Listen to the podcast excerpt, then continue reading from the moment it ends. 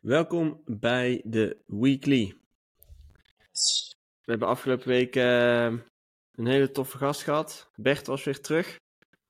En, uh, vriend van de show. En met Bert zijn wij samen uh, eens even goed de rabbit hole ingedoken hoe Bitcoin nog kan falen. En we zijn nu een paar dagen later. Het is even allemaal ingezonken. Ik heb het ook zelf nog eens een keer beluisterd. En ik vond het toch wel echt een interessant gesprek. Ik zag ook dat iemand op YouTube uh, een comment had achtergelaten van... Uh, iedereen die bitcoin heeft, moet dit beluisteren. Want waarschijnlijk snapt 90% niet precies van wat ze nou precies hebben gekocht. Uh, en hoe dat allemaal in elkaar steekt. Dus uh, die vond ik wel een goeie. Um, maar ik vond het wel echt weer een heel tof gesprek. En Bert blijft natuurlijk wel gewoon een slimme jongen. Op heel veel vlakken.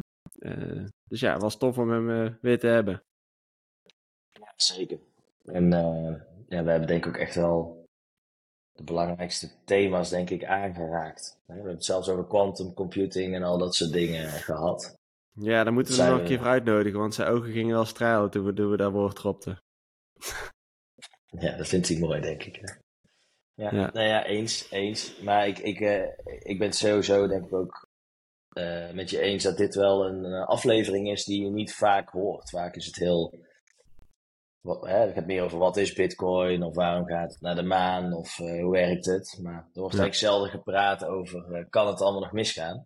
Ja. En uh, ja, ik denk dat Bert dat heel nuchter en heel goed soort van kan uitpakken. En ook begrijpelijk kan houden. Over het algemeen van ja, waar zitten dan nog de risico's? Want wat hij wel uh, ook wel terecht denk ik zegt, is kijk, als belegger en investeerder dan doe je een soort van onderzoek naar projecten, naar potentiële investeringskansen. Sommige mensen kijken misschien naar de vastgoedmarkt of naar bepaalde beleggingsportefeuilles, naar bepaalde bedrijven. En afhankelijk van jouw onderzoek maak je een keuze om wel of niet in iets te investeren. Um, maar zodra je hebt besloten om in iets te investeren en je hebt eigenlijk een positie genomen in, uh, in een beleggingscategorie, en dan is eigenlijk daarna de belangrijkste vraag: hoe kan dit nog misgaan hè, om je investering te beschermen? Dus ja, is daarna... wanneer, weet ik, wanneer weet ik dat het misgaat? Dat is misschien. Uh... Precies, ja. En wanneer moet je, de, wanneer moet je misschien eruit? Dus nee, echt inderdaad eens. Dus denk ik super interessante podcast, aflevering. En een keer een heel andere ander topic dan dat je vaker hoort. Eh. Op zich denk ik wel leuk om uh, die aflevering van ons te luisteren. Van uh, vijf redenen voor de Bitcoin boom. Een paar afleveringen terug. En dan eigenlijk daarna die van Bert te luisteren of andersom, hoe je het wil. Maar ik denk dat je dan wel een goed beeld hebt bij ja, hoe het dus zowel kan lukken. Maar ook tegelijkertijd hoe het dus, wat er allemaal nog mis kan gaan. En wat voor gevaren er toch nog wel op de loer liggen. Wel een leuke tegenstelling, denk ik. Dus ga die gerust even terugluisteren, als je het nog niet hebt gedaan. Dan uh, was dit een week van uh, bijzonder weinig nieuws. Uh, het nieuws wat is gekomen is dan ook wel meteen heel erg groot. Als in Binance. Voor de meesten denk ik wel bekend. Dat is uh, de grootste crypto-exchange ehm, ter wereld. Volgens mij zei, wat zei Bert nou? Meer dan de helft zit bij hun hè, van alle crypto um, beleggers. Ja, ik weet niet of het exact zo is, maar ze zijn niet van echt heel erg groot. Heel ja, groot deel van het volume. Ja, volgens mij of de helft of ergens rondom dat uh, gebied, maar in ieder geval bizar veel. En die eigenaar, uh, Sheng Cheng Pao of zoiets, afgekort CZ, ja. die is uh, deze week uh, op het matje geroepen bij de SEC, onze vrienden in Amerika. Kun jij daar een beetje iets over uitleggen, Mike, hoe dat uh, zit? Waarom dat zo'n groot nieuws is? Um, nou, ik kan er wel wat proberen over te zeggen, maar de, ja, hoe leg ik het uit? Kijk, de, de cryptomarkt, zoals we allemaal weten, is een hele jonge markt. Er gebeuren heel veel innovaties, nieuwe technieken. Het, recht, het rechtssysteem, maar ook het, het handhavings... Uh, systeem voor toezichthouders. Uh, dat, dat is eigenlijk gewoon allemaal nog niet op orde, zeg maar, voor bedrijven als dit. En daar heeft de crypto-industrie veel last van. En er wordt heel hard gewerkt achter de schermen om met wetgevers, belastingdiensten, toezichthouders, soort van tot een framework te komen van hoe gaan wij onze samenleving verhouden tot deze nieuwe technologie, deze innovaties. Wat mag wel, wat mag niet? Met andere woorden, wat zijn de spelregels? Eigenlijk allemaal dingen die denk ik belangrijk zijn om in een gezonde, professionele samenwerking te kunnen opereren met z'n allen. Nou, dan heb je heel veel bedrijven en ja, Binance is eigenlijk gewoon veruit de allergrootste. Het is een Chinese partij. Ze hebben sowieso heel Azië in de, in de broekzak. En zij hadden wel een aantal ja, beetje unieke eigenschappen of trekjes. En ik, ik noem het zelf, uh, schaar ik het altijd een beetje onder de categorie go fast and break things. Dat is een, uh, een bekende uitspraak uit de start-up wereld. Van, ja, je kunt allemaal wel alles heel, heel goed willen doen, heel gedegen, heel, heel professioneel. Maar dan ga je ook heel langzaam. En de kans dat je daarmee je koppositie verliest is gewoon heel groot. Dus go fast, maar ook break things. Hè, van, ga er maar gewoon vanuit dat de dingen gesloopt worden. En, en dat lossen we dan achteraf allemaal wel op. En dat is eigenlijk in mijn optiek een beetje de strategie altijd van Binance geweest. Ze waren de grootste, ze hadden het meeste volume.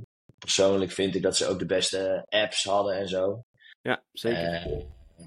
Uh, hun, hun, hun, hun app is gewoon echt superieur in mijn optiek dan alles wat ik tot nu toe van andere exchanges heb gezien.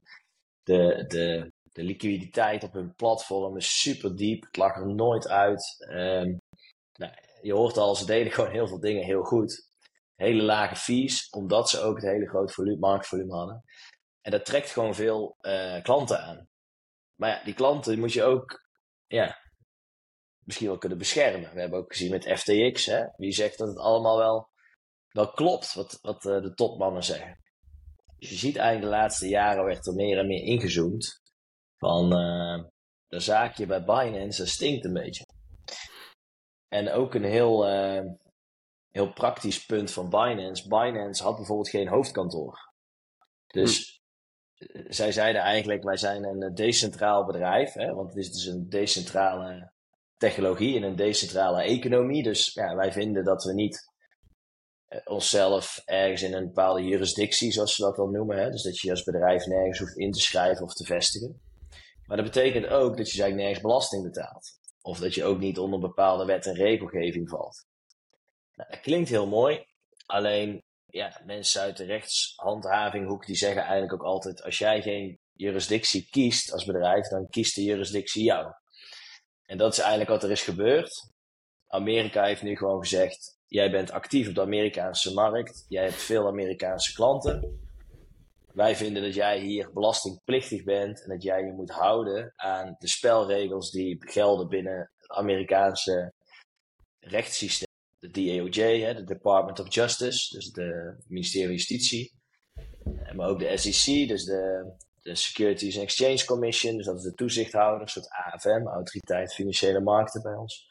Ja, die heeft Binance eigenlijk in een soort van uh, 1, 2, 3 knockout punch op zijn dak gekregen. En het vervelende daarna voor de cryptomarkt is dat er dus eigenlijk onzekerheid is over een van de grootste marktpartijen in de sector. En niemand in de crypto-industrie zit te wachten op nog een FTX-moment. Want toen FTX van Sam Bankman-Fried implodeerde, toen uh, ging dat ook gepaard met hele grote verliezen. Ja. Dus die onzekerheid vinden heel veel beleggers niet lekker. En uh, nou, deze week kwam er dus naar buiten met een hoop tromgeroffel dat uh, er een grote overwinning was voor de toezichthouders. Want ehm, ja, het lijkt erop dat ze nu toch uiteindelijk echt gaan afrekenen met Binance. Binance als bedrijf schikt de, de rechtszaak voor meer dan 4 miljard dollar met de Amerikaanse ministerie van Justitie. Klinkt veel, maar is voor zo'n bedrijf natuurlijk gewoon peanuts. Ik heb het idee dat het peanuts is, maar inderdaad, het klinkt lekker, 4 miljard, hè, dus we hebben het goed gedaan. Ja. Um, CZ, dus de, de, de topman van Binance, treedt af bekend ook schuld aan witwassen. En moet persoonlijk ook nog eens 200 miljoen aan boetes betalen. En hij is daarmee ook nog niet eens gevrijwaard van eventuele uh, toekomstige rechtszaken tegen hem. Dat waarbij hij misschien nog wel de gevangenis in moet. Hm. Dus um, ja, een soort van Amerikaanse overheid kan een soort overwinning claimen. Binance uh, wordt onder toezicht geplaatst. de rechtszaak. En de topman wordt vervangen zodat er een nieuw beleid uh, gevaard, gevaren kan gaan worden. Maar ik denk al met al dat het voor uh, de crypto space wel, wel heel goed nieuws is. Want die, die hele grote onzekerheid, een soort van die, die donkere wolk die nog boven de sector hing, die lijkt hiermee toch te verdwijnen. En ja. vergis je niet, ik denk dat dit ook een heel belangrijk onderdeel is voor bijvoorbeeld de SEC om uiteindelijk een spot Bitcoin ETF goed te keuren. Daar hebben we natuurlijk al heel vaak eindeloos over gehad. Dat uh, dat, dat beleggingsproduct uh, mogelijk tot zeer waarschijnlijk uh, er gaat komen. En een van de grote zorgen die de, de toezichthouder in Amerika altijd had, is van hoe kunnen wij voldoende toezicht houden op de markt, dat er geen marktmanipulatie plaatsvindt als ja, een van de grootste spelers in de wereld uh, niet meedoet hieraan, aan, aan het transparant maken ervan. En ook nog eens, we verdenken er ook van dat het niet klopt. Hè? Dus het is niet alleen niet willen meewerken, maar ook nog eens vermoeden dat er dingen niet goed zitten. Dus maar hebben ze, dit kunnen, hebben ze het kunnen bewijzen eigenlijk? Want dat is mij niet echt duidelijk geworden. Of dat ze nu, want er gaan al ja, ik denk toch wel één of twee jaar inderdaad rond in de industrie van daar klopt iets niet, weet je wel. Uh, het stinkt inderdaad wat jij zegt. Maar hebben ze ook echt iets daadwerkelijk kunnen bewijzen van dat er met, met klantgelden is gefrutseld of hier en daar wat geschoven is of... Dat vraag ik maar, dat is me nog niet echt duidelijk eigenlijk.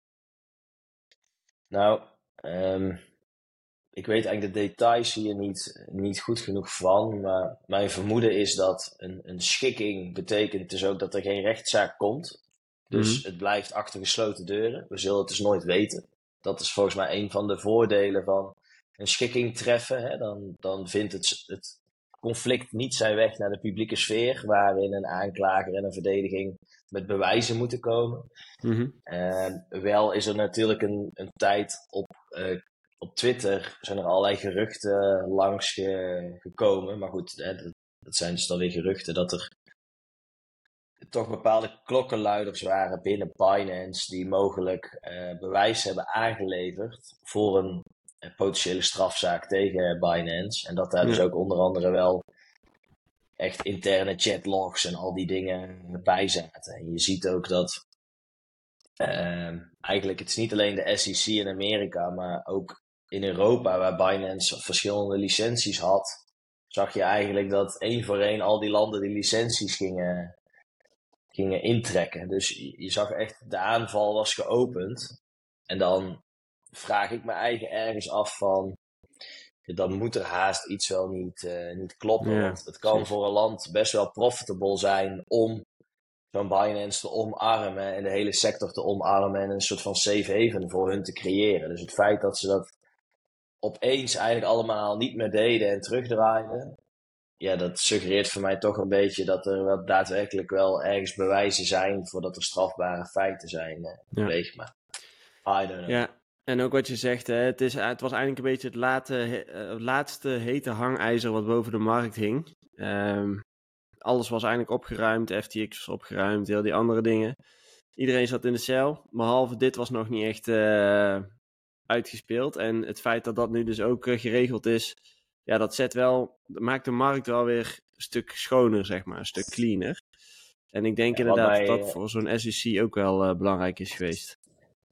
Ja, eens. Wat mij nog wel uh, opvalt, en dat is eigenlijk waar we net mee begonnen, een beetje een start-up mentaliteit van go fast and break things. Ja, ergens is dit dus wel weer gewoon het bewijs dat dit waarschijnlijk wel gewoon een route is die best wel profitable kan zijn als je het redt. Want inderdaad, je zei het net al.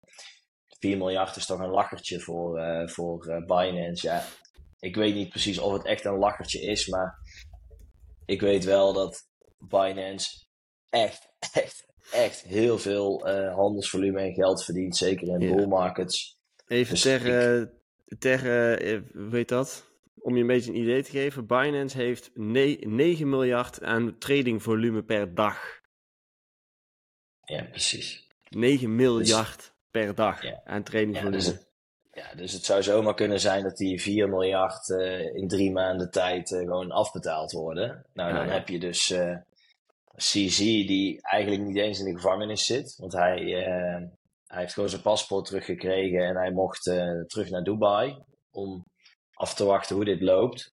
Volgens mij hing hem een gevangenisstraf of zo van, eh, wat was het? Ik had het eens opgeschreven. Oh ja, van maximaal 16 maanden boven het hoofd. Hm. Maar heel veel experts verwachten al eh, dat eh, als hij al veroordeeld wordt, dat het waarschijnlijk een soort huisarrest wordt. Dus ja, stel even hè, fast forward. Stel dat ze die boete moeten betalen als bedrijf, wat wel meevalt. Oké, het kost CZ 200 miljoen, maar die heeft er volgens mij genoeg. Ja. En dan eh, heb je misschien straks zes maanden huisarrest. Ja, dat is zes maanden YouTube en laptoppen Dat is thuis. lekker ja. ook. Ja. Dus hè, voor mij is dit wel een beetje go, go fast and break things. Het, het, eh, je moet Het waarschijnlijk wel echt stalen ballen hebben om eh, dit aan te durven, want het kan natuurlijk zomaar fout gaan. Maar voor, in dit geval heb ik het idee dat, het, dat hij er wel mee wegkomt. Wat ik me nu ook ineens bedenk, hè, want ehm, eigenlijk was er een tweede, nou niet per se vergelijkbaar verhaal, maar dat is, ja, dat is niet per se deze week, maar hebben wij net gemist denk ik in de weekly vorige week. Of hebben we dat wel behandeld van OpenAI? Van, eh, dus dat is vrijdag gebeurd volgens mij, dus ik denk dat wij die gemist hebben vorige week. Ehm, OpenAI is het bedrijf achter eh, ChatGPT. Eh, op dit moment een van de snelst groeiende bedrijven ter wereld. Ehm, ja, ja, is gewoon echt een bizar bedrijf. En aan kop stond daar Sam Altman. Het is een beetje de, de, de, de promising kid in, eh, in eh, hoe noem je dat? Eh, Steve Jobs of. AI. Ja, zoiets, maar waar al die bedrijven zitten daar in Silicon Valley, weet je wel. Iedereen loopt weg met hem. Een fantastische kerel blijkbaar. Heeft ook al Mhm. best veel gedaan. Maar ehm, ook die is vorige week van zijn troon gestoten. Alleen door zijn eigen board. Eh, heel verrassend. Ik geloof dat hij om twee voor vijf of zo werd hij. Heel leuk. In een Google Meet werd hij even verteld dat hij eh, de tering kon krijgen. Eh, terwijl het bedrijf wordt eh 51% is van Microsoft. Dus leuk dat je al Google Meet gebruikt om, je eigen CEO naar buiten te flikkeren. Eh, maar goed, daar is ook een hele, ja, een hele soapserie omheen ontstaan. Personeel dreigde op te stappen. Eh, Microsoft heeft Sam Altman terug ingehuurd en hem weer teruggeplaatst bij eh, OpenAI.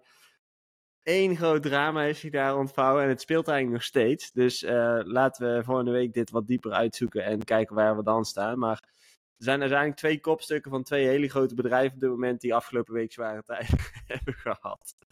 Ehm, maar goed, dat verhaal van eh OpenAI was wel echt een soapserie. Dus wel leuk om volgende week eens even op te pakken. Dan nog een eh, ander klein dingetje wat ik nog even wilde noemen is Nike. Eh, daar hebben we het vaker over gehad, de schoenen. En Mike heeft ook de Artifact trui aan voor degenen die kijken. Eh, Artifact heeft afgelopen week eh, weer een twee paar schoenen gedropt op die grote sneaker eh, conferentie. Ik geloof SneakerCon of zo heet dat. Ehm, en wat ze dit keer anders hadden gedaan, want wij, die schoenen die wij hebben besteld bijvoorbeeld, dan moest je eerst een NFT hebben en dan pas had je het recht om een schoen te kopen. Bij Mhm. deze drop was het anders gedaan. Je kon gewoon een fysieke schoen kopen. Dat was ook 220 euro of zo, 220 dollar. Ehm, alleen als je dus de fysieke schoen kocht, kreeg je daarbij een digital twin.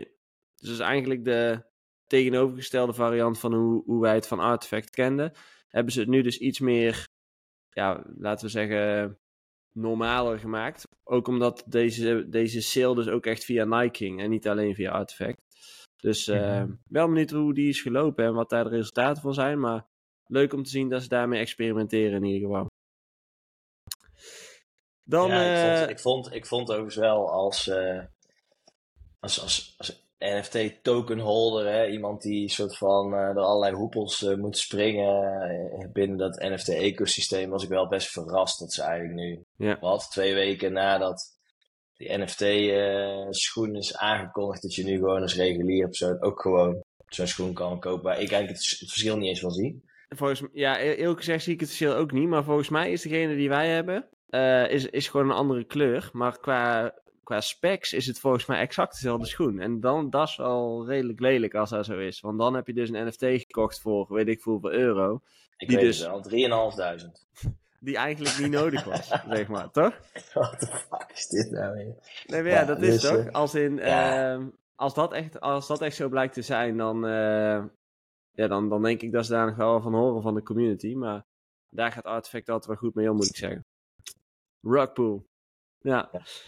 Ehm, ik, eh, ja, ik- goed, het is allemaal een mooi experiment. En ehm, weet je, ehm, in, in defense of Nike, kijk, die hele, die hele tweedehands markt destijds voor die Nike NFT, ja, dat was natuurlijk vol in de, in de, de hype cycle. Ja. Nike heeft dat nooit zo bedoeld. Nog sterker, ze hebben die tokens volgens mij gratis geairdropt Zo hadden we het niet bedoeld. Sorry, jongens. Ja, Ja, zij hebben toch die tokens toen eh, gratis naar Clone X-holders ge Ja, ja, geairdropt. zeker. Het was een gratis Dus eigenlijk item ben- in principe.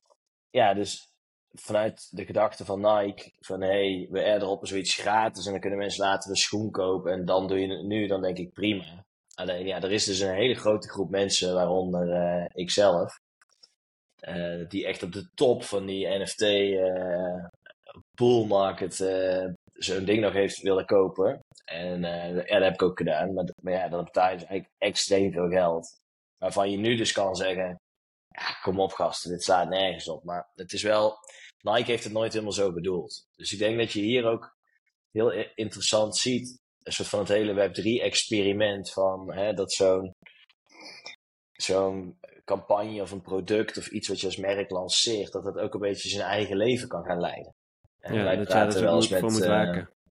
ja, wij praten wel eens met klanten waarin we bijvoorbeeld ook echt inprogrammeren dat iets niet verhandelbaar is. Of bijvoorbeeld de eerste twaalf maanden niet verhandelbaar is, om die hype eruit te halen.